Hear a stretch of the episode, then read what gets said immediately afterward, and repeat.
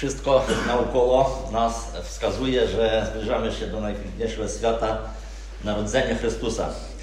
E, Właśnie rozpoczęliśmy Adwentowe tygodnie i opowiadamy sobie nawzajem o Jezusie, który od tysiąca lat do swojego narodzenia był zapowiedziany przez proroków. E, Było obliczono w Starym Testamencie, że zawiera się blisko 40-50 proroctw o tym, że ma przyjść Chrystus, Mesjasz. E, Na tyle ważne było to wydarzenie, przyjście wcielonego Boga na świat, który był pogrążony w grzech. Otóż dzisiaj szczególnie zwrócimy się do najpierwszych wspomnień w Biblii o Zbawicielu ludzkości, który był zapowiedziany, żeby właśnie przyjść na ten grzeszny świat. Pierwsza księga Biblii e, prowadza nas w czas, gdy wszystko tylko zaczęło się dziać. Gdy powstał świat, który dla nas jest e, zwykłym i nie zastanawiamy się nad tym, że kiedyś to był początek. E, W Księdze Rodzaju opisane są początki ludzkości oraz, oraz całego stworzenia. Możemy zobaczyć, jak pojawiło się światło, jak powstała nasza Ziemia, powstały ciała niebieskie dla obliczenia czasu, atmosfera, hydrosfera. Dalej powstaje świat zwierząt, roślin i nareszcie był stworzony człowiek, mężczyzna i pierwsza kobieta. Wszystko było bardzo dobrze. Tak sam Bóg powiedział.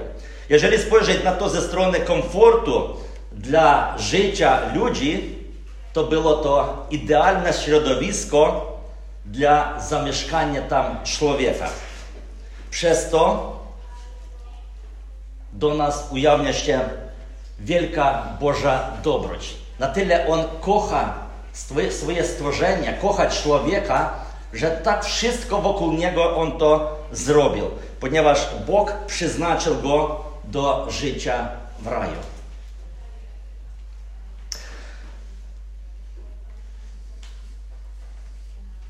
On stworzył dla niego warunki, wszystkie warunki niezbędne do życia, dał rodzinę, dał piękną pracę. Człowiek posiadał przywilej panowania nad wszystkim stworzeniem. I on był szczęśliwy. Naprawdę był szczęśliwy. Wszystko było bardzo dobrze. Czytając dalej Księdza, e, Księgę Rodzaju, widzimy, że po krótkim czasie stało się coś, co sprawiło, że nie wszystko tak stało dobrze. Dlaczego o tym mówimy właśnie dzisiaj? Ponieważ porządek zbawienia świata polega na takich czterech fundamentach, czterech prawdach, w których Chrystus jest sednem tego wszystkiego. Pierwsze to jest dobry, kochający Bóg, który stworzył świat i człowieka.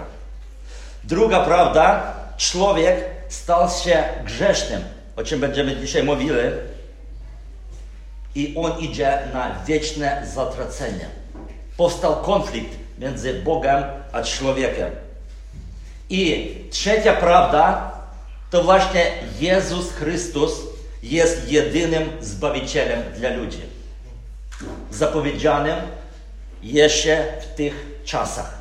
I czwarty fundament, bardzo ważny, osobista wiara i przyjęcie Chrystusa powracają grzesznika w Boże przeznaczenie.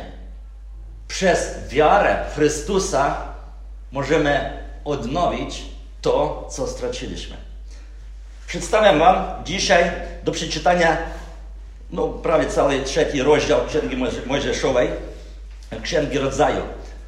E, tak jak czytaliśmy nie jeden raz, to ja tylko będę czytał te fragmenty, które będziemy omawiali. Opisuje on dla nas historię upadku człowieka w grzech. Jak to wszystko się zaczęło.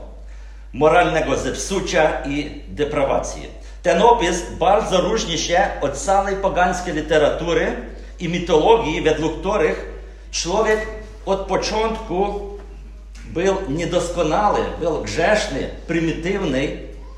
Nie wiem, czy dobrze powiedziałem, ale potem zaczyna się rozwijać, idzie pewna ewolucja, on udoskonala się i osiąga jakieś boskości. Tak mity mówią. Tutaj widzimy, że człowiek był stworzony dobrym, czystym, ale potem popada w grzech. To jest punkt wyjścia doktryny o grzechu i odkupienia człowieka. Człowiek odpada od Boga, od czystości i potrzebuje zbawienia od grzechu. On całkowicie został zepsuty. I nie tylko on, a i wszyscy, którzy pochodzą od, tego, od tych pierwszych ludzi. Nie możemy wyrzucić tego rozdziału z Biblii ani zignorować, bo inaczej nie zrozumiemy, co dzieje się na tym świecie. Bez rodzaju 3 nie jest jasne, dlaczego tak straszne wydarzenia zaczęły się dziać dalej. Dlaczego brat zabija swojego młodszego brata? A potem po kilku rozdziałach my czytamy, że całe ludztwo, cała ziemia jest przepełniona przemocą i zepsuta do takiego stopnia, że Bóg postanawia zniszczyć ludzkość. Dlaczego to wszystko się dzieje? Odpowiedź właśnie znajdujemy w Księdze Rodzaju 3. Czytamy z pierwszego wersetu. Jeżeli pier, pierwsze pięć wersetów, to będzie taka część, e, gdy rozmowa węża i diabła, e, e, węża diabła z kobietą oraz jakie skutki ma ta rozmowa, szósty i siódmy werset. I dalej, od ósmego werseta, druga rozmowa. Bóg rozmawia z człowiekiem i skutki tej drugiej rozmowy. Wyrok dla węża i skutki dla ziemi i człowieka. Ogólnie ten rozdział zawiera mnóstwo ciekawych zagadnień, ale zwrócę uwagę tylko na niektóre z nich, które dotyczą upadku grzech oraz skutków tego grzechu. Pierwszy werset, werset przedstawia nam węża, który rozmawia z kobietą oraz kusi ją do nieposłuszeństwa Bogu. Wąż natomiast był przebieglejszy niż wszystkie inne zwierzęta stworzone przez Pana Boga. Zapytał on kobietę, czy rzeczywiście Bóg powiedział, że nie wolno wam jeść owoców żadnego drzewa ogrodu. Otóż widzimy, że źródłem pokusy jest wąż. Istota stworzona. Niewątpliwe za tym stworzeniem stał ktoś, kogo my nazywa, nazywamy diabeł, szatan. W objawienia 12.9 my czytamy o nim takie słowa. Starożytny wąż, określany jako diabeł i szatan, który zwodził cały zamieszkały świat. On był podstępny, przebiegły, nie głupi, ale i nie mądry przebieglejszy niż wszystkie stworzenia. Tak napisano o nim. W objawieniu, gdy cytowałem, napisano, że on będzie w końcu już zniszczony. Ale tutaj tylko zaczyna, on zaczyna swoje działania wśród ludzi. Przebieglejszy niż wszystkie stworzenia. Możemy sobie wyobrazić to stworzonko. Nie wiem, czy ono było piękne, i jak ono wyglądało, ale chyba miał nogi, jakieś może małe ręce czy coś takiego. Y, I on, jak to w mitach y, malunki, ja sobie tak wyobrażam, nie, jest napisane w Biblii, y, to była pierwsza prawdziwa pokusa. Pierwsza prawdziwa pokusa na ziemię. Pokusa jeszcze nie jest samym grzechem, ale prowadzi do niego, jeżeli nie czuwamy i nie opieramy się jej. Każdego dnia spotykamy się z pokusami.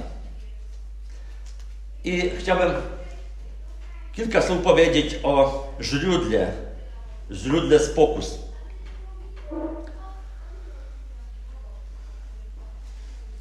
Pokusa pochodzi nie tylko z zewnątrz, ale tak e, również z naszego wnętrza.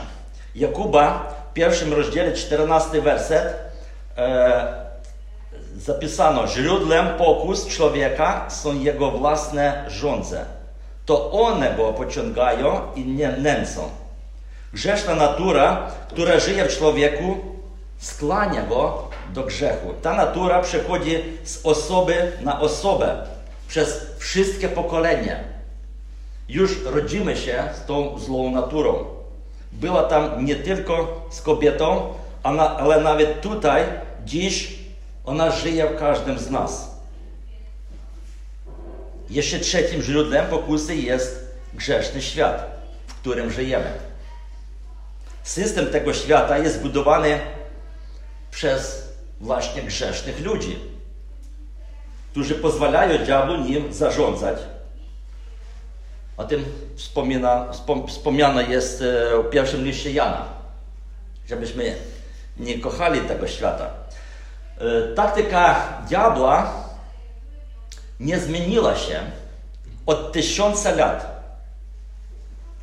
Ona polega na tym, żeby zasiać wątpliwość podstępnym pytaniem, sprowokować zwątpienie w Boże Słowo. Przeczytaliśmy te pytanie, które on zadaje kobiecie. Czy rzeczywiście Bóg powiedział? Przecież Bóg powiedział.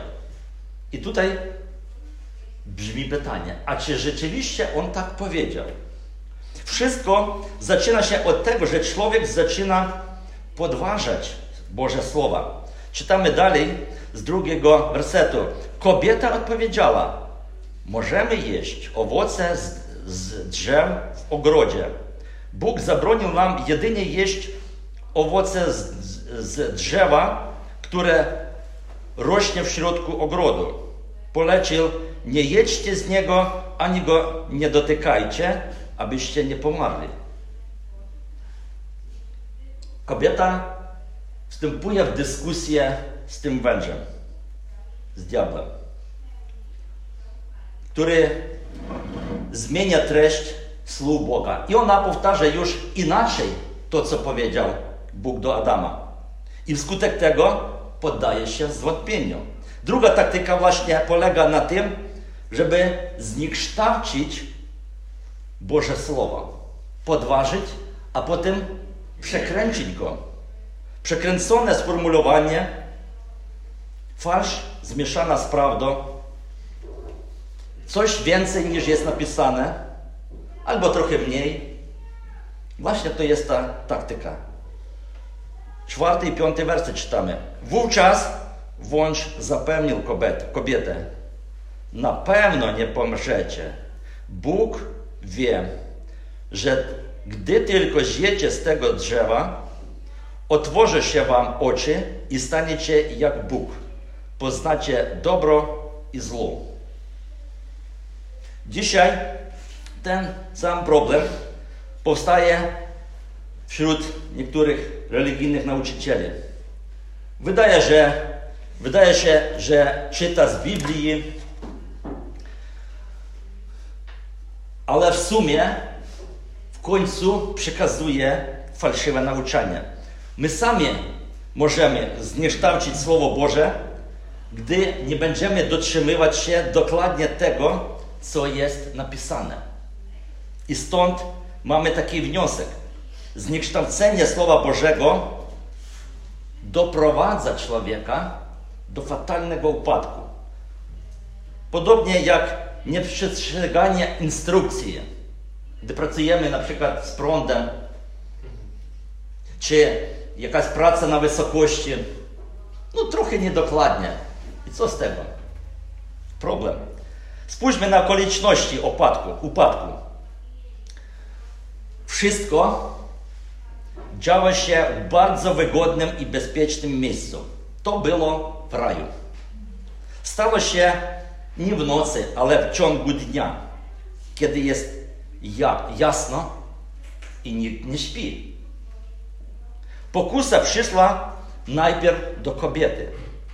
Możliwe, że to był najłatwiejszy sposób przemówić do uczuć, a możliwe, żeby dotrzeć do Adama, trzeba było podchodzić e, przez e, piękno kobiety, a nie przez jakieś dziwne stworzenie. E, nie wiemy. Sposób pokusy polegał na rozmowie. Była taka miła rozmowa między diablem a kobietą. Toczył się po prostu dialog. Szatan dociera do umysłu, podrzuca wątpienia, coś dodaje, coś odejmuje od słowa Boga, ale zauważcie, nie zmusza do niczego. Decyzję podejmuje sam człowiek. Najpierw kobieta, a potem gdy ona daje swojemu mężu i on. Nauka z tego jest taka. Pokusa wpływa na umysł, potem na uczucia, wyobrażenie, pragnienie i potem już mamy postępowanie. Szósty werset. Kobieta przyjrzała się owocom, wydali jej się warte spróbowania. Wyglądały pięknie, a ponadto dzięki nim mogło się żyć jej pragnienie poznania. Ciekawe, jak to ona odkryła. Sięgnęła więc po owoc, zerwała i zjadła. Podała też mężowi, który z nią przebywał. On również zjadł. Pokusa może nas spotkać w najzwyklejszym miejscu, w najprostszym otoczeniu, nawet w kościele. Więc bądźmy czujni, ponieważ przeciwnik nasz obok, jak czytamy wiele razy w Biblii. Spójrzmy teraz na konsekwencje grzechu. Czytamy opis rozmowy Boga i człowieka. Co następuje potem? Siódmy werset. Wówczas otworzyły się oczy im obojgu i zobaczyli, że są nadzy. Spletli więc figowe liście i sporządzili sobie z nich przepaski. Wkrótce jednak usłyszał, usłyszeli Pana Boga. Przechadzał on e, się po ogrodzie w powiewie dnia. Słysząc to, człowiek ukrył się wraz z żoną przez panem, przed Panem, Bogiem, między, między drzewami ogrodu. Jednak Pan Bóg zaczął wołać człowieka: Gdzie jesteś? A on na to: Usłyszałem, że jesteś w ogrodzie i przestraszyłem się, bo jestem nagi, dlatego ukryłem się. Kto ci powiedział, że jesteś nagi? Zapytał Bóg. Czy zjadłeś owoc z drzewa, z którego zakazałem ci jeść? Człowiek odparł. To kobieta, którą mi dałeś, aby była ze mną. Ona dała mi owoc z tego drzewa, zjadłem. Pan Bóg zwrócił się do kobiety. Cóż ty takiego zrobiła? Włącz mnie zwiódł, wyjaśniła. I zjadłam. Widzimy tutaj, co następuje. Wstyd, strach i poczucie winy. Wcześniej u nich tego nie było. A po upadku zawstydzili się, przestraszyli się i poczuli się winny, winnymi. Jak oni próbują tego się pozbyć? To jest nieprzyjemne uczucie. To jest rzeczy, z którymi nie chcemy żyć. Jaka była u nich reakcja na grzech? Pierwsze to jest próba pozbycia wstydu. Chcieli doświadczyć szczególnego, tajemniczego szczęścia, najwyższego stopnia poznania. Chcieli poznać coś nowego, cieszyć się pięknem, ale po jedzeniu poczuli się duchowe spustoszenie, upokorzenie i wielki wstyd. Wstyd, jak wiemy, jest reakcja naszego sumienia na grzech. E, w jaki sposób postępują oni? Wzięli liście i zrobili sobie opaski. Przykryli, się list, przykryli swoją nagość liśćmi. Ale jak widzimy dalej, Bóg to poprawił. Bóg robi coś innego. Wejdę do przodu tutaj jeszcze i zaczytam 21 werset w końcu tej historii. Po tym wszystkim, jak Pan Bóg wypowiedział swoje skutki grzechu, Pan Bóg ubrał Adama i jego żonę w odzienie, które sporządził ze skór. Taka krótka informacja, ale on nie zaakceptował liście. Nie liście pokrywają, ale skóry. Skąd pochodzą skóry? Ze zwierząt. Jak zabrać skórę ze zwierzęta? Ze zwierząt trzeba ich zabić. Zwierzęta szyje, z tych zwierząt on szyje ubrania, ukrywa ich. Jest to wskazówka, że potrzebna była ofiara. Potrzebny był rozlew krwi. Potrzebne jest zadośćuczynienie za grzech. Nasze ludzkie wysiłki, by zadośćuczynić za grzechy, są bezsensowne. Jakbyśmy nie robili te opaski, jakby nie staraliśmy swoimi wysiłkami spróbować pozbyć się wstydu, nic nie wychodzi. To wymaga ofiary. Ofiary baranka. Właśnie tutaj i jest wskazówka na Chrystusa. Właśnie ten baranek przyjdzie na i który, o którym Jan powiedział, to jest baranek, który bierze na siebie grzech światu. On przeleje swoją krew, żeby zabrać wstyd ludzi na siebie. Właściwa reakcja na wstyd jest pokuta. Jak musimy reagować? Pokuta za swój grzech. A niewłaściwym jest pozbywanie się wstydu poprzez na przykład zaprzeczanie albo jakieś takie psychologiczne zalecenia. Druga reakcja na grzech to strach. Człowiek chce się ukryć przed Bogiem. Gdy on usłyszał Boga, to przeraził się. Ale dlaczego? Przecież wczoraj takiego nie było. Bóg rozmawiał i to było miło, przyjemnie. A tutaj on usłyszał Boga i jemu stało strasznie. Głos Boga go przeraża, ponieważ Bóg może ich skarcić. Dlaczego człowiek oddala się od Boga i Jego słowa? Dzisiaj tak samo grzeszny człowiek oddala nawet myśli o, o sądzie, o śmierci, o wieczności, o odpowiedzialności. Grzeszny człowiek nie chce o tym myśleć. Nie chce, żeby o nim wspominali. Nieprzyjemnie słyszeć o swoim grzechu. Mówią, to moje życie prywatne czy osobiste. Nie wtrącaj się w niego. I on odsuwa się od informacji i od źródła nagany. Adam tłumaczy Bogu, że on przestraszył się, ponieważ jest u niego właściwa przyczyna. To są okoliczności zewnętrzne. Na przykład on jest nagi, dlatego jemu strasznie, a nie to, że on zgrzeszył. Bóg dopytuje się, dlaczego? Adam ukrywa prawdziwą przyczynę grzechu i strachu. Właściwą odpowiedzią na strach spowodowany grzechem jest pokuta, a nie ignorowanie prawdy o skutkach. I trzecia reakcja na grzech to jest samo usprawiedliwienie, gdy człowiek zaczyna usprawiedliwiać samego siebie. Bóg wykrywa przyczynę grzechu. On mówi jemu wprost, czy ty nie zjadłeś z owocu?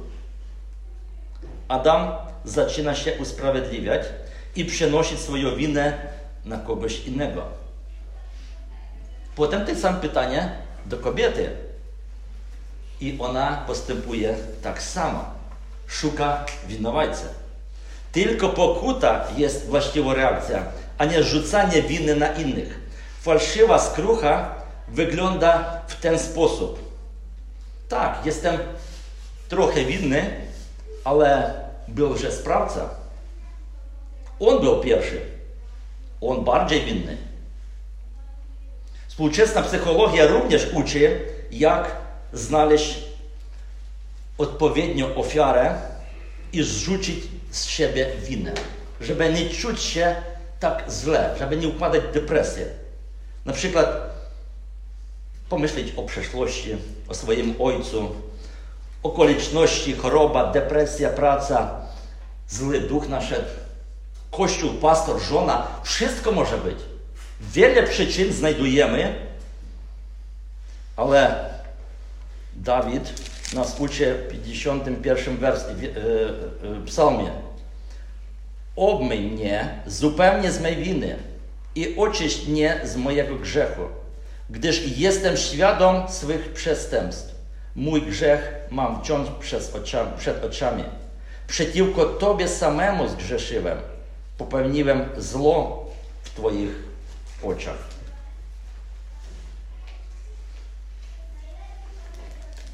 Przeczytajmy jeszcze o tym, jaka była reakcja u Boga na grzech. Jak Bóg zareagował na to, co się stało. Boża odpowiedź na grzech była kara dla wszystkich uczestników wypadku, upadku. Po pierwsze, Bóg, Bóg przeklina węża jako stworzenie, jako istotę, przez którą przyszedł ten grzech. Czytamy 14 i 15 werset.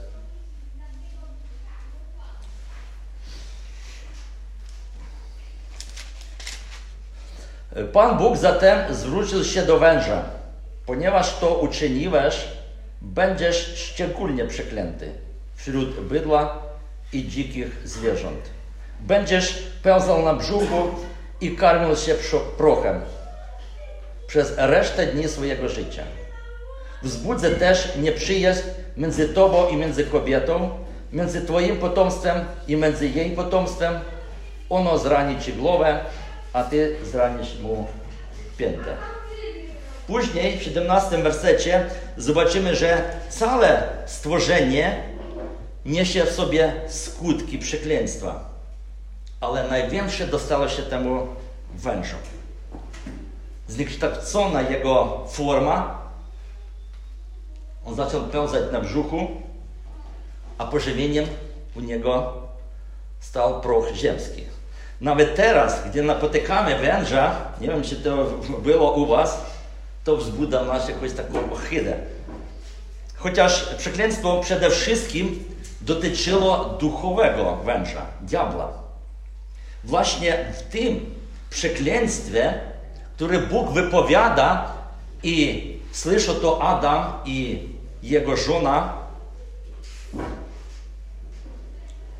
w tym przekleństwie węża rozbrzmiewa się Ewangelia. Brzmi błogosławieństwo dla człowieka. Przebija nadzieja. To, co dla nas jest życiem, dla szatana stało się śmiercią. Człowiek zgrzeszył, a przez ten grzech przyszła i śmierć. Ale również przez człowieka przyjdzie potomek, który zniszczy samego szatana. Czytamy i wzbudzę nieprzyjaźń. To jest 15 werset. Tak i jest. Między nimi toczy się wojna odwieczny konflikt. Jak wtedy, tak i teraz. Jeszcze w Ewangelii Jana, Jezus 8, e, e, Jana 8,44 wprost powiedział do swoich niewierzących oponentom Waszym ojcem jest diabeł. Ludzie niewierzący są potomkami diabła, potomstwo węża. Natomiast wierzący nazwani synami Boga od swojego ojca. A potomstwem kobiety, o którym tutaj mówimy, jest Boży Syn Jezus Chrystus, nasz Pan i Zbawiciel. Właśnie tutaj jest wskazanie, że potomstwie przyjdzie ten, który zniszczy diabła. 15 werset. Jeszcze raz przeczytam. Wzbudzę też nieprzyjaźń między Tobą i między kobietą, między Twoim potomstwem i między jej potomstwem. Ono zrani Ci głowę, a Ty zra zranisz mu piętę. Jest często określany ten werset jako pierwsze proroctwo o przyjściu Mesjasza. On, potomek kobiety, zmiażdży Ci głowę. To znaczy, że Chrystus pokona szatana. To właśnie stało się na krzyżu Golgoty. Dla Adama i Ewy to wydarzenie nastąpi daleko w przyszłości. Ale dla nas to było w czasie przeszłym. Zarówno oni, tak samo jak i my dzisiaj, jesteśmy zbawieni przez wiarę w Chrystusa. Oni wierzyli w Chrystusa, który ma przyjść przez potomstwo, a my wierzymy w Chrystusa, który już przyszedł i już to uczynił, który pokonał szatana na krzyżu. To była dobra nowina dla pierwszych osób. To była pierwsza Ewangelia Biblii. Nie będę dziś skupiać się nad rozpatrywaniem kary dla kobiety i Adama. To taka ciekawa może być rozmowa. Chcę tylko zaznaczyć, że kobieta będzie miała trud i bóle w rodzeniu dzieci. Znaczy w rodzeniu i wychowaniu ich, żeby oni byli posłuszni, żeby oni byli zbawieni oraz wewnętrznie pragnienie, żeby przewodzić swoim mężem, to znaczy dominować. To jest taki skutek tego grzechu, ona miała. 16 werset. Natomiast do kobiety powiedział, bądź pewna, że pomnożę Twój trud i bóle rodzenia. W bólach będziesz rodziła dzieci, na mężu będziesz skupić pragnienia, a on będzie nad Tobą panował. Zarzut do Adama polegał na tym, pierwsze, że on posłuchał swojej żony. W sensie posłuchał ją bardziej niż Boga. My widzimy to historię, że Bóg powiedział jedno, żona powiedziała coś innego i Adam poszedł za żoną. I złamał, druga rzecz to on złamał przykazanie. Skutkiem tego została przeklęta ziemia. Ziemia, na której on panował. Czytamy 17 i dalej. W końcu zwrócił się do Adama Bóg. Ponieważ posłuchałeś swojej żony i zjadłeś z drzewa, o którym ci powiedziałem, nie wolno ci z niego jeść. Z powodu ciebie, ciebie ziemia będzie przeklęta. W trudzie będziesz zdobywał pożywienie i to po wszystkie dni swojego życia. Będzie ci rodzić czerny osty, a pokarmem ci będą zbiory pól. U pocie czoła będziesz jadł chleb, aż powrócisz do ziemi, gdyż z niej zostawiasz wzięty, bo jesteś prochem i obrócisz się proch. Z powodu upadku, upadku całe środowisko przestało współpracować z człowiekiem. Zjawił się trud, ból, obciążenie, choroba oraz śmierć przyszła na wszystkich ludzi. Jeden grzeszył i przekleństwo całego świata. Żeby nie kończyć na tej negatywnej nocie, jeszcze raz powiem o Jezusie, o naszej nadziei. Jezus zwyciężył szatana na krzyżu Golgoty, o czym mówiliśmy w wersecie 15. To jest pierwsza Ewangelia, pierwsze proroctwo, które mówi o tym, że Jezus jest sednem świata, zbawienia ludzi. Wszystkie przekleństwa i konsekwencje grzechu zostają przezwyciężone przez Jezusa Chrystusa. Tylko On może pozbawić nas tych skutków, które grzech przynosi w życie. Strach, wina, wstyd. On zabrał nas wstyd, nasz strach. Jezus oddał siebie jako za, ofiarę zadośćuczynienie za grzech. W Nim i my, my jesteśmy dziećmi Boga, wierzącymi. Przez wiarę mamy zbawienie. W Nim mamy nadzieję, mamy życie wieczne. I niech będzie chwała naszemu Bogu, Ojcu, Synu i Duchu Świętemu. Amen.